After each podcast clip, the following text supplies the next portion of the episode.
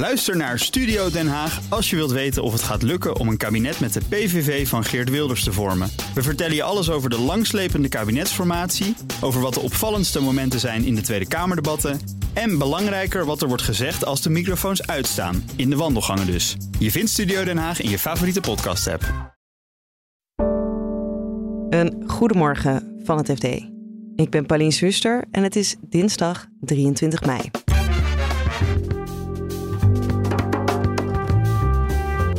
Iedereen wil iets met AI, maar daar is niet genoeg stroom voor. Over een paar jaar zijn het AI-centers, die uh, AI-datacenters, die 10% van de stroomproductie in de wereld gaan gebruiken.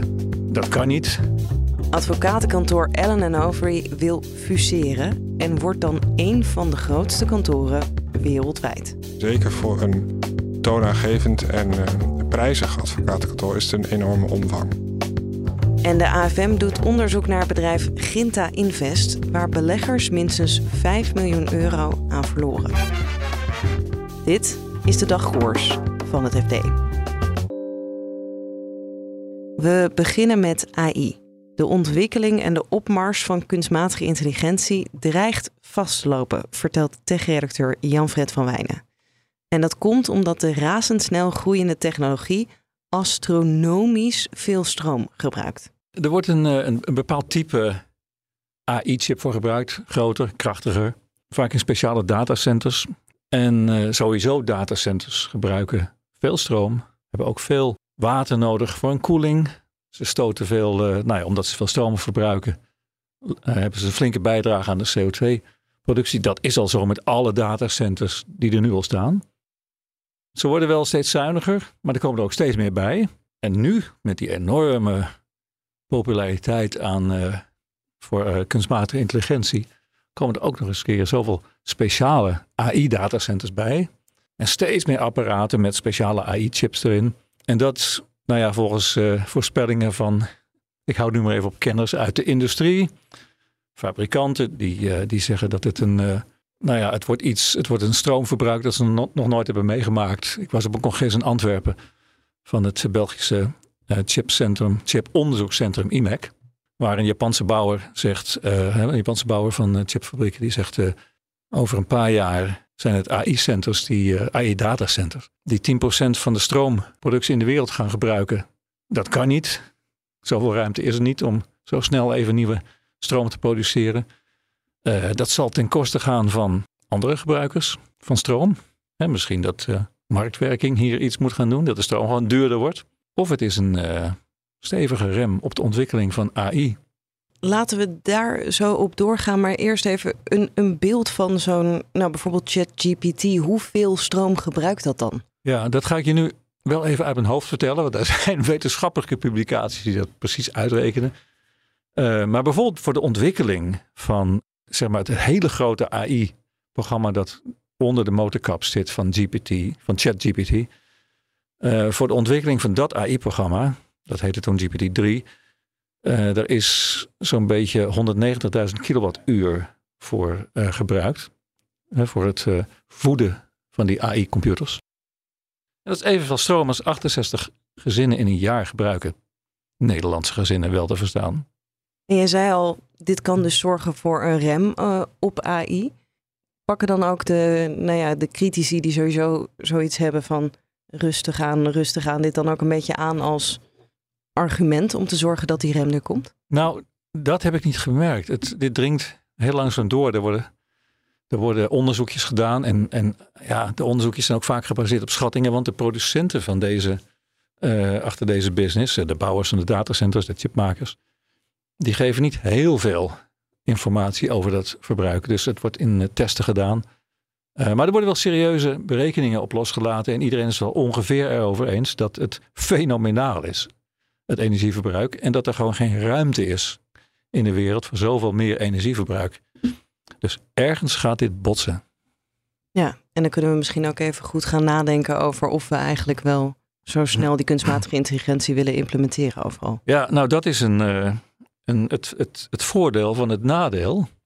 Er is heel veel kritiek nu op de, snelle en ongecontroleerde toepassing van AI-programma's. Die, uh, die dingen kunnen gaan beslissen voor ons die we liever zelf beslissen. Of die beslissingen nemen waarvan niemand snapt hoe ze daartoe komen.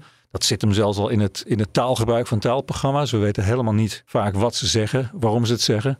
Dus critici zeggen: stop even met uh, het ontwikkelen daarvan. En laten we met z'n allen eens praten over hoe we dit beheersen. Nou, dat gaat zomaar niet gebeuren. Maar als de ontwikkeling stagneert omdat er niet genoeg uh, elektriciteit is, dan is dat misschien toch de, ja, de adempauze waar iedereen om roept. En dan gaan we naar Allen Overy. Dat advocatenkantoor wil fuseren met het Amerikaanse Sherman Sterling. Waarom? Dat hoor je zo van onze Zuidas-redacteur Edwin van der Schoot. Maar eerst stelt hij je nog even voor aan Ellen Overy. Klinkt Brits, maar is, is ook Brits, maar is uh, groot aan de Zuidas. Of een van de grootste kantoren aan de Zuidas, omdat het eigenlijk al sinds 1999 ook een beetje een Nederlands tintje heeft. Toen is uh, Ellen Overy gefuseerd met Loef Klaas Verbeke. Uh, veel Nederlands en een paar Belgen daar bij, dat, bij die firma. Dus sindsdien was ook de Benelux of Nederland eigenlijk de tweede markt.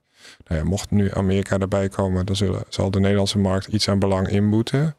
Maar uh, vandaag de dag is Ellen Overy nog steeds um, met 36 partners, zitten er best veel Nederlanders.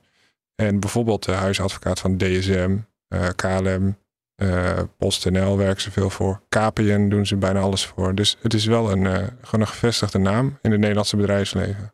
En waarom willen ze nu zo graag fuseren met die Amerikaanse partij? Ja, Ellen Overy wil eigenlijk alles, precies wat alle grote Britse kantoren, of Britse of Europese kantoren willen. Eh, je wil een Amerikaans kantoor zeg maar, eh, in, je, in je bedrijf hebben, zodat je toegang hebt tot al die Amerikaanse hoofdkantoren. Want alle Amerikaanse bedrijven zeggen, ja, kan wel wezen, Amerika is een grote markt, wij hoeven niet over de grens. En als je business met ons wil doen, dan moet je Amerikaans zijn. Dus als je, die, als je bijvoorbeeld een beursgang in Wall Street, op Wall Street of een Amerikaanse fusie- of overname deal, uh, als je daarbij aan tafel wil zitten, dan kun je maar beter ook een stevig kantoor in Amerika hebben. En daar kan je veel geld mee verdienen, kan ik me voorstellen. Ja, dat is natuurlijk, dat zijn, dat, daar is veel geld te verdienen. En het is natuurlijk heel um, vervelend. Als je elke keer op het moment dat een deal in Amerika plaatsvindt, moet zeggen: ja, wij hebben daar niet de mensen voor, maar we kunnen jullie wel naar onze best friends van onze Amerikaanse collega's doorverwijzen. Ja, en hoe groot wordt deze speler als ze inderdaad met elkaar samen gaan? Ja, dan is het een kantoor met um, iets van uh, eh, 3 miljard euro omzet op jaarbasis. Dus het klinkt nog relatief klein. Een paar duizend uh, advocaten, uh, kleine 800 partners, 49 kantoren in 29 landen, zeg ik. Dus als je dat afzet bij een, een, multinational, dan lijkt het klein. Maar voor een advocatenkantoor, en zeker voor een toonaangevend en prijzig advocatenkantoor, is het een enorme omvang dan hebben we nog wel even de disclaimer dat het nog niet is uh, goedgekeurd. Hoe reëel is de kans dat het nog klapt op goedkeuring van een van de kanten? Ja, die kans is best wel groot. Want uh, dit, dit wordt nu gepresenteerd alsof alles in kannen en kruiken is. En de, de beide voorzitters van de, van de partnervergaderingen die, die doen net alsof alle plooien al gladgestreken zijn. Maar elke partner mag straks gaan stemmen. Er moet ook nog een gekwalificeerde meerderheid, hoeveel dat precies is, dat is me nog niet duidelijk. Maar een gekwalificeerde meerderheid moet voor zijn. Dus niet gewoon 50% plus één stem, maar echt wel meer. Um, en vier jaar geleden dacht Ellen Overy ook een goede Amerikaanse fusiepartner te hebben gevonden. Toen ging het om een uh, techkantoor uit Californië. En alle partners in Londen, maar ook een grote groep van de Nederlandse partners, die zagen dat helemaal niet zitten. Dus die hebben allemaal op nee gedrukt. En heb jij al een idee wat de partners in Nederland willen stemmen? Uh, ik heb geen idee, maar um, wat je zou kunnen afleiden uit die vorige transactie. Toen ging het om een kantoor waar ze mee wilden fuseren uit Californië. Het was een kantoor, dus veel met klanten in Silicon Valley, veel procesrecht, veel rechtszaken, et cetera. Het kantoor waar ze nu mee willen fuseren is een kantoor wat op Wall Street zit. Wat beursgangen, fusies, overnames, private equity transacties begeleidt. Dat is veel meer in het straatje van die transactieadvocaten in Londen en ook aan de Zuidas die eh, de vorige keer hebben tegengestemd. En tot slot praat ik met mijn collega Sonny Motke over de podcastserie die we maakten. Waarschijnlijk heb je de afgelopen weken de afleveringen al lang zien komen in deze feed. En vandaag de laatste vierde aflevering. Als je de eerdere aflevering nog niet hebt geluisterd, deze serie gaat over het bedrijf Ginta Invest, waar beleggers minstens 5 miljoen euro in staken en dat kwijtraakten. De AFM doet onderzoek naar het bedrijf en de finfluencers die het hebben gepromoot. Ginta Invest is een beleggingsplatform waar mensen minimaal 10.000 euro moesten inleggen.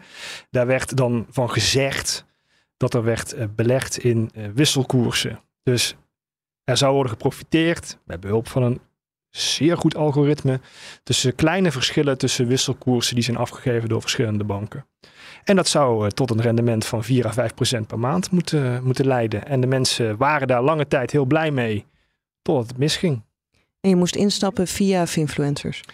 Ja, het bijzondere aan dit beleggingsproduct was dus dat uh, Finfluencers een rol speelden als promotor en ook partner. En dat hadden partnerschap met Grinta Invest werd ook contract ondertekend tegen royale commissiebeloningen.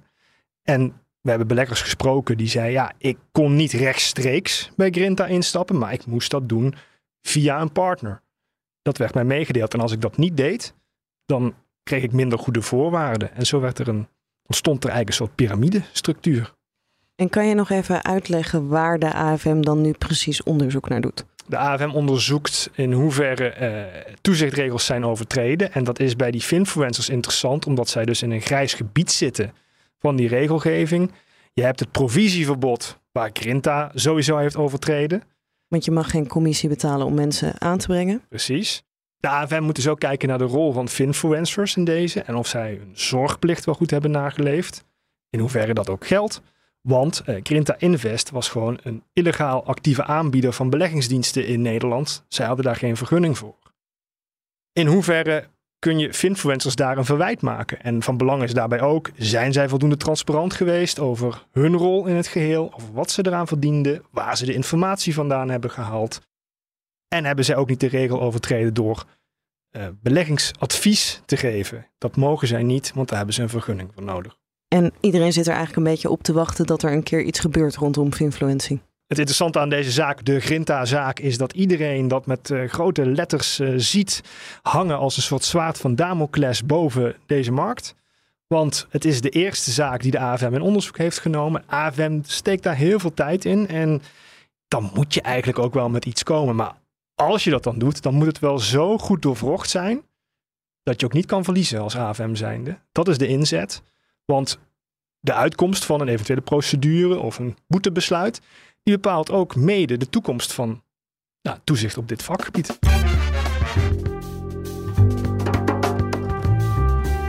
Dit was de dagkoers van het FD. Je vindt de verhalen van Edwin, Jan-Fred en Sonny in de show notes. En daar vind je ook meer informatie over onze podcastserie over de grote beloftes van Finfluencers. Het laatste financieel-economisch nieuws dat vind je natuurlijk op fd.nl en in onze app. Nog een hele fijne dag en graag tot morgen. Ook Liesbeth Staats vind je in de BNR-app. Ja, heel handig. Luister live naar Kees en mij tijdens de Daily Move. Dan blijf je ook gelijk op de hoogte van breaking news en het laatste zakelijke nieuws. En daar vind je ook alle BNR-podcasts, waaronder de Perestrooikast. Download nu de gratis BNR-app en blijf scherp.